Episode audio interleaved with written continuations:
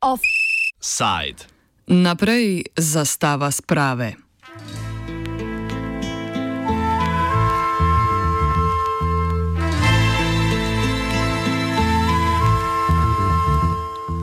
Ljubljana je svojo pregovorno belino nemara dobila po belem obzidju gradu, ki se nad slovensko predstolnico bohoti z grajskega griča.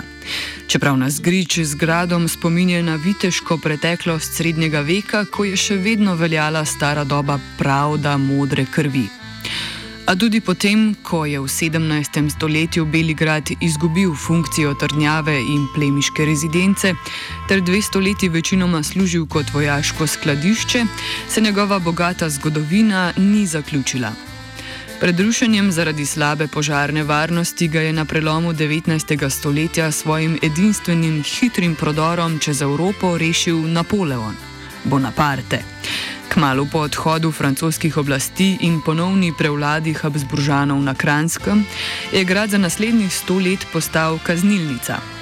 Enako vlogo je upravljal tudi med Prvo svetovno vojno, ko so ujetniki so Soške fronte v njemu spostavili edinstven zaporniški umetniški atelje.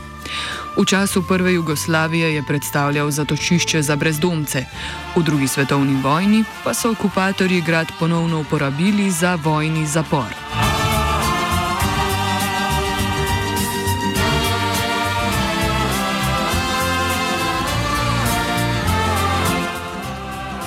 Orlov vrh na Grajskem griču pa svojo zgodovino piše šele zadnjih nekaj let. Lani je namreč vladna komisija za reševanje vprašanj prikritih grobišč, ki jo poznamo tudi po ljubkovalnem nazivu Dežmanova komisija, na Orlovem vrhu odkrila nova grobišča domobrancev. To pa se ni skladalo z nekaj splošno sprejetim dejstvom, da naj bi vse ostanke že prekopali in odpeljali. Kratko zgodovino Orlovega vrha predstavi Mitja Ferenc, profesor na oddelku za zgodovino Filozofske fakultete v Ljubljani. Pač bil je travnik, grajski grič, ampak eh, med vojno uh, jo, so jo pač pokrajinska uprava za Ljubljansko pokrajino uh, um, uredila za pokopališče domobrancev, ki niso mogli biti pokopani, uh, bodi si, ki so padli v bojih ali pa ki so umrli v bolnišnici v, v Ljubljani. Um, zgodba po vojni je bila pa takšna, da se je vse skozi veljalo, da so v skladu tako kot z vsemi grobišči um, nasprotnikov partizanskega gibanja uh, na, po ukazu zvezdnih oblasti in potem tudi republiških oblasti iz maja 1945. leta morali vse grobove in oznake grobov odstraniti. Tako da uh, za pokopališče na, na gradu je veljalo, da so bile žrtve pa prekopane in odnešene neznano kam.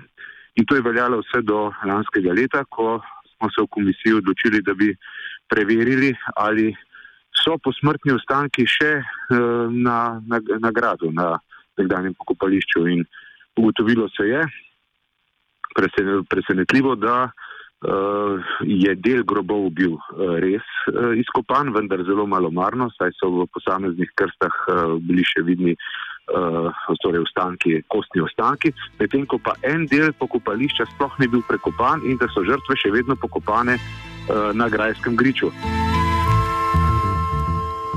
Raziskave Dežmanova komisija ni opravila samo inicijativno, temveč je to predvidel odlog mestne občine Ljubljana, ki temelji na občinskih aktih iz časa pred razpadom Titove Jugoslavije. Ukvarjanje oblasti s pokopališčem na Orlovem vrhu povzame Jože Dežman, vodja komisije, ki nosi njegovo ime. Veste, kako je tukaj zanimivo, je to, da v tem odloku, ki ga sprejme mestna občina Ljubljana in mislim, da je podoben enemu iz 86. Je pač navedeno, da na Orlovem vrhu je treba upraviti raziskavo in potem postaviti spominski objekt, in po letu 90 so se ta prizadevanja res začela in to društvo za ureditev zamočanih grobov je prišlo celo do vrhovnega sodišča in je bilo tam zavrnjeno, so pa upravljali se pravi slovenska zaveza, mislim, da je župnija Šentjakov in pa svojci te memorialne obrede, ki so običajno imeli mašo v Grajski kapeli in potem ali pa na lokaciji sami. Bili so tudi obredi, ko, se, ko je bila tam tudi čast načeta slovenske vojske, ne, tako da je nekje je v vizirju države. Javni mit pravi, da so bili vsi posmrtni ostanki domobrancev, ki so bili pokopani na Orlovem vrhu, izkopani in prenešeni na druge neznane lokacije. A prav zaradi občinskega odloka o raziskavi so se pojavili sumi, da pokopališče ni popolnoma prazno. Mitja Ferenc opozarja, da je oblast v nekdani skupni državi dobro skrivala tako imenovana prikrita grobišča. Problematika prikritih grobišč, eh, torej imamo vojna grobišča, v kateri sodijo eh, tudi prikrita grobišča. Vojna grobišča pa zauzemajo vsa eh, grobove vojakov, prve svetovne vojne, druge svetovne vojne v katera pa do demokratičnih sprememb eh, niso sodila tako imenovane prikrita grobišča, ki niso smela obstajati, za katere nismo vedeli in šele po spravni slovesnosti, letos bo 30 let od 8. julija 1990, eh, ko si je državni in crkveni vrh nekako sezel v roke, da bomo ta prikrita grobišča označili, da žrtve dostojne pokopali. Prelomno leto v odkrivanju in urejanju vojnih in povojnih grobišč je bilo leto 2015, ko je vlada sprejela zakon o prikritih vojnih grobiščih in pokopu žrtev. Z, njimi, z njim se je raziskovanje sistematiziralo in odmaknilo od javnosti. Kako se je z zakonom, sprejetim leta 2015, Eh, te težave večinoma odpravile in nekako delo z žrtvami in eh, prikritimi grobišči poteka kontinuirano. To pomeni, da se eh, grobišča, ki jih poznamo, lokacije, približno 600 lokacij grobišč, sondirajo, torej preverijo, ali žrtve na, na dotičnem mestu so in v kolikšnem obsegu, kolikšnem obsegu grobišča so, zauzemajo v nekem prostoru, zauzemajo svoj eh, prostor. In potem tudi odločitev, druga faza, ali se žrtve prekople, eh, tudi ti postopki eh, potekajo, predvsem za grobišča, kjer predvidevamo, da so žrtve slovenci in na podlagi prekopa lahko vzamemo DNK, izvajamo DNK analize ali pa druga potem tretja varianta, da se pa grobišča uredijo in situ, torej pomeni Eh, da se žrtve ne prekoplje in da se začasno ali pa za stalno grobišče označi, uredi, ogradi, eh, tako da bodo zanamci vedeli, da eh, imajo še neko, torej bom rekel, moralno dožnost, za, da za ta mesta skrbijo. Dežmanova komisija se tako ukvarja s približno 600 lokacijami, kjer se nahajajo morebitna grobišča, kot je razvidno iz pričevanj in nekaterih zgodovinskih dokumentov. Ferenc pojasni, da so do sedaj obdelali približno eno tretjino fonda domnevnih grobišč. Pred, predvsem, torej, kot rečeno, imamo nek uh, fond 600 lokacij, v katerih smo jih v teh letih, predvsem od eh, leta 2006, ko so se začele, ko so se začele izkopavanja in sondiranja uh, in pa uh, sistematična urejanja, do sedaj uredili uh, 234.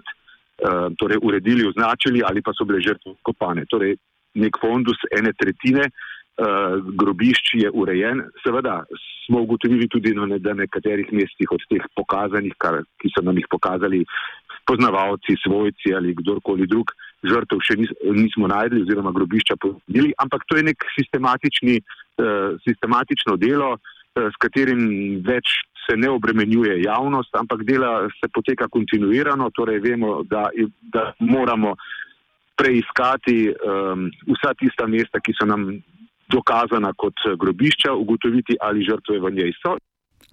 Po upravljeni raziskavi zakon predvideva primerno ureditev grobišč.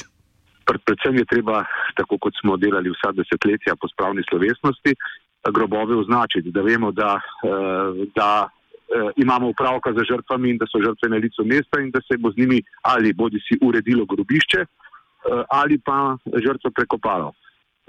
In če se zdaj navežem na dan, današnji dan, imamo problem, ker Torej se, kot sem bral tudi v časopisih, izjavo mestne župana Jankoviča, da se bodo znamenja, ki bi, ki bi označevala um, grobišče, sproti odstranjevala.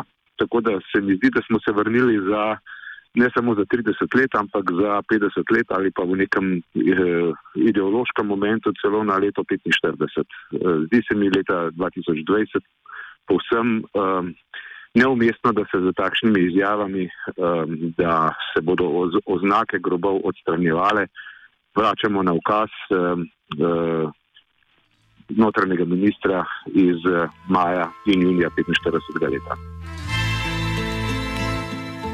Medtem pa je ljubljanski župan Zoran Jankovič za medije že predstavil svoj odnos do obeležij v čast in slavo kolaborantom na slovenskem. Zagotovil je, da občina ne bo dovolila ureditve pokopališča, še naprej pa bo tudi odstranjevala križe in spomenike, ki se na Orlov vrh prikradejo po vandalski metodi pod zastorom noči. Kot pričakovano je to razburilo Jožeta Dežmana, predsednika komisije, ki se imenuje po njem. Pač župan Jankovič si pa, jaz ne vem, no jaz moram reči, da je tukaj že zelo blizu predsedniku Tirku z njegovo drugo razrednostjo po odkritju urov svete Barbare. No, tukaj bodo seveda mnenjske in eh, druge posledice. Ne. Mestna občina Ljubljana je bila že prej v sporu z Dežmanovo komisijo, saj ni poskrbela za pokop domobrancev na ljubljanskem pokopališču Žale. Zavrnitev pokopa je vplivala tudi na odnose med mestno občino in vlado, saj je ministr za gospodarski razvoj in tehnologijo Zdravko Počivalšek spor vključil tudi v izhodišča za pogajanja z občino o sklenitvi dogovora o ključnih projektih za obdobje med letoma 2019 in 2022. Okoliščine opiše Dežman. Ja, ta hip je. Um... V lanskem letu je eh, Ministrstvo za gospodarski razvoj in tehnologijo, je, ki je za nas, se pravi za komisijo, nekako matično ministrstvo, je vneslo v program sodelovanja med mestno občino Ljubljana in vlado Republike Slovenije, da se, pogre, pog, da se pokopna parcela ali pa pač grob na žalah, ki bi bil namenjen uh, posmrtnim ostankom žrtev iz prikritih morišč in grobišč, da se to zagotovi na žalah. Mestna občina je temu nasprotovala, ta hip je v obravnavi ugovor Ministrstva za gospodarski razvoj in tehnologijo, ki ga bo moglo, moglo obravnavati Ministrstvo za javno upravo, ki skrbi za izvajanje tega eh, sporazuma med mestno občino Ljubljana in vlado Republike Slovenije. Povojna zgodovina Slovenije naj bi se od ostalih evropskih držav razlikovala prav po prikrivanju grobišč, ki so ostala po drugi svetovni vojni. Nadaljuje Ferenc. Tisto, kar nas loči od uh, civilizacijskih narodov, uh, kjer se prav tako v Zahodnji Evropi, seveda so, so um, torej nasprotnike, tiste, ki so sodelovali z Tretjim rajhom, uh, drastično bolj ali manj. Eh, obsodili, eh, pokopali, likvidirali in tako naprej. Pa, loči pa nas od tega, da mi desetletja za te grobove nismo smeli vedeti oziroma niso smeli obstajati.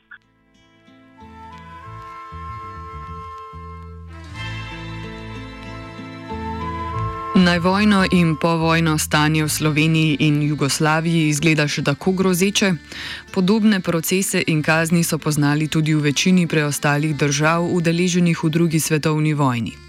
A značilnost slovenskega prostora je, da so se zadnji spopadi odvijali prav tu, po vojni pa je bilo na smrtno kazen po hitrem postopku obsojenih tudi veliko pripadnikov drugih narodov in vojska.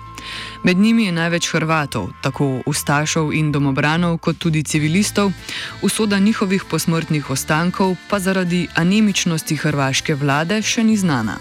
Um, največ torej, imam trtov uh, hrvaške narodnosti, torej hrvaških domobranov in pa uh, ustašov in tudi civilistov, uh, ki jih je konec vojne zajel na slovenskih tleh.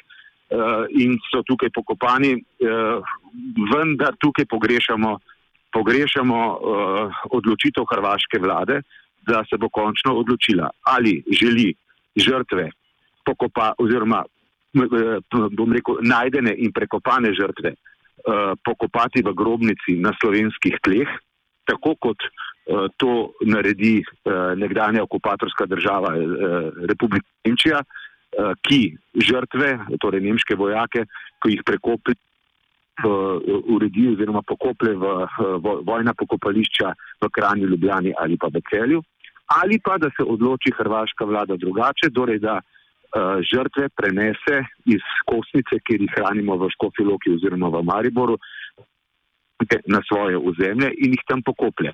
Na takšen način, kot to dela tudi patrska država Italija, ki svoje vojake na slovenskih tleh prekoplje in jih potem prenese preko meje in pokoplje v vojnem grobišču v, v, v, na Redipulju. Javnost v Sloveniji pa se je glede vprašanja prikritih grobišč v zadnjih letih precej pomirila. K temu so pripomogle tudi strokovne in znanstvene raziskave, ki so omogočile, da se zgodovino v večji meri ukvarjajo zgodovinari, čeprav politiki še vedno capljajo za njimi. Mitja Ferenc. Tako če rečem, slovenska javnost se sedaj ne obremenjuje več toliko, kolikor se je v 90-ih letih ali pa bom rekel v obdobju v času odkritja uh, hude jame. Um, uh, delo se je, kon, se je končno preselilo stran od medijskih uh, senzacij, objav, uh, poteka kontinuirano um, z tistim uh, fondom sredstev, nekaj čez 400 tisoč evrov, kolikor država nameni za raziskavo, urejanje uh, vseh teh uh, prikritih, uh, nekdanjih prikritih grobišč. Um, tako da um, bom rekel, uh, po eni strani uh, smo si tako tudi želeli, da ne bi uh, slovenske javnosti obremenjali vsakič z nekim odkritim grobiščem, tako kot je to bilo v 90-ih letih, ampak da ta temeljna civilizacijska pietetna dejanja potekajo kontinuirano. Uh, brez odzivov v medijih, da se vsako leto napiše pač poročilo, uh, izvajalcev dela komisije in se nekako ne obremenjujemo, bom rekel, ne bi želeli obremenjevati slovenske javnosti z vsakokratnimi težavami, odkriti, jih, uh, s katerimi smo soočeni. Za konec današnjega offsajda Ferenc dobronamerno zaželi zgodovinopisju, da bi se ločilo od ideoloških predznakov.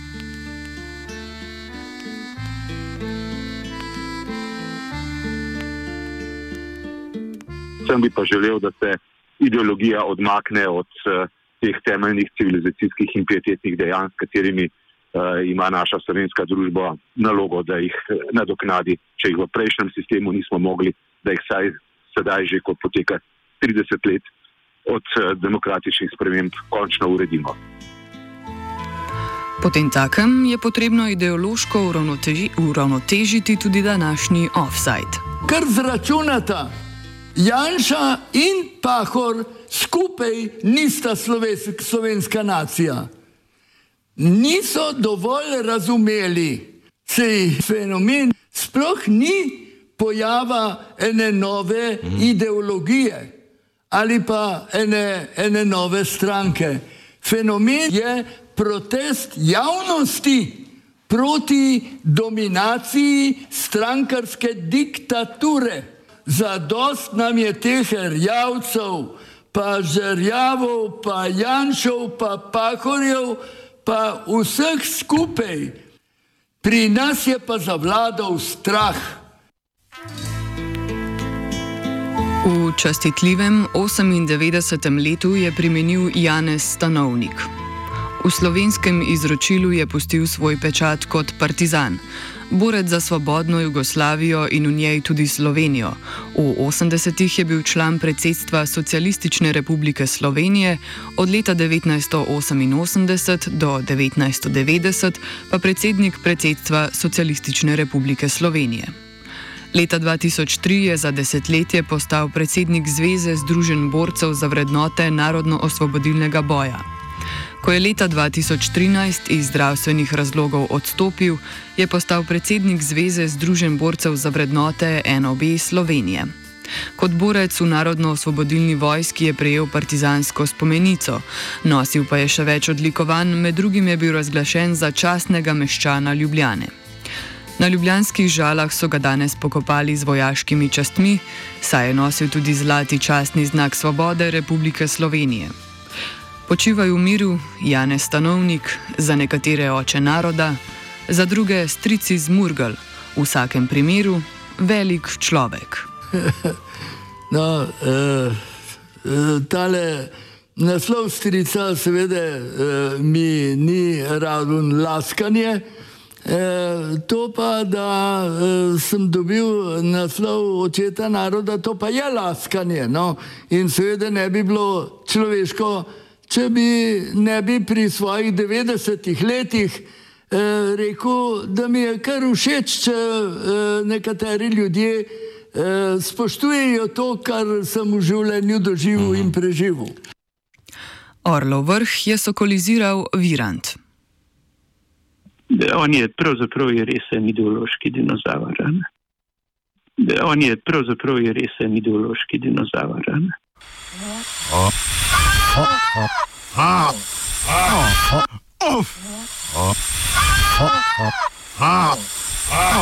Offside.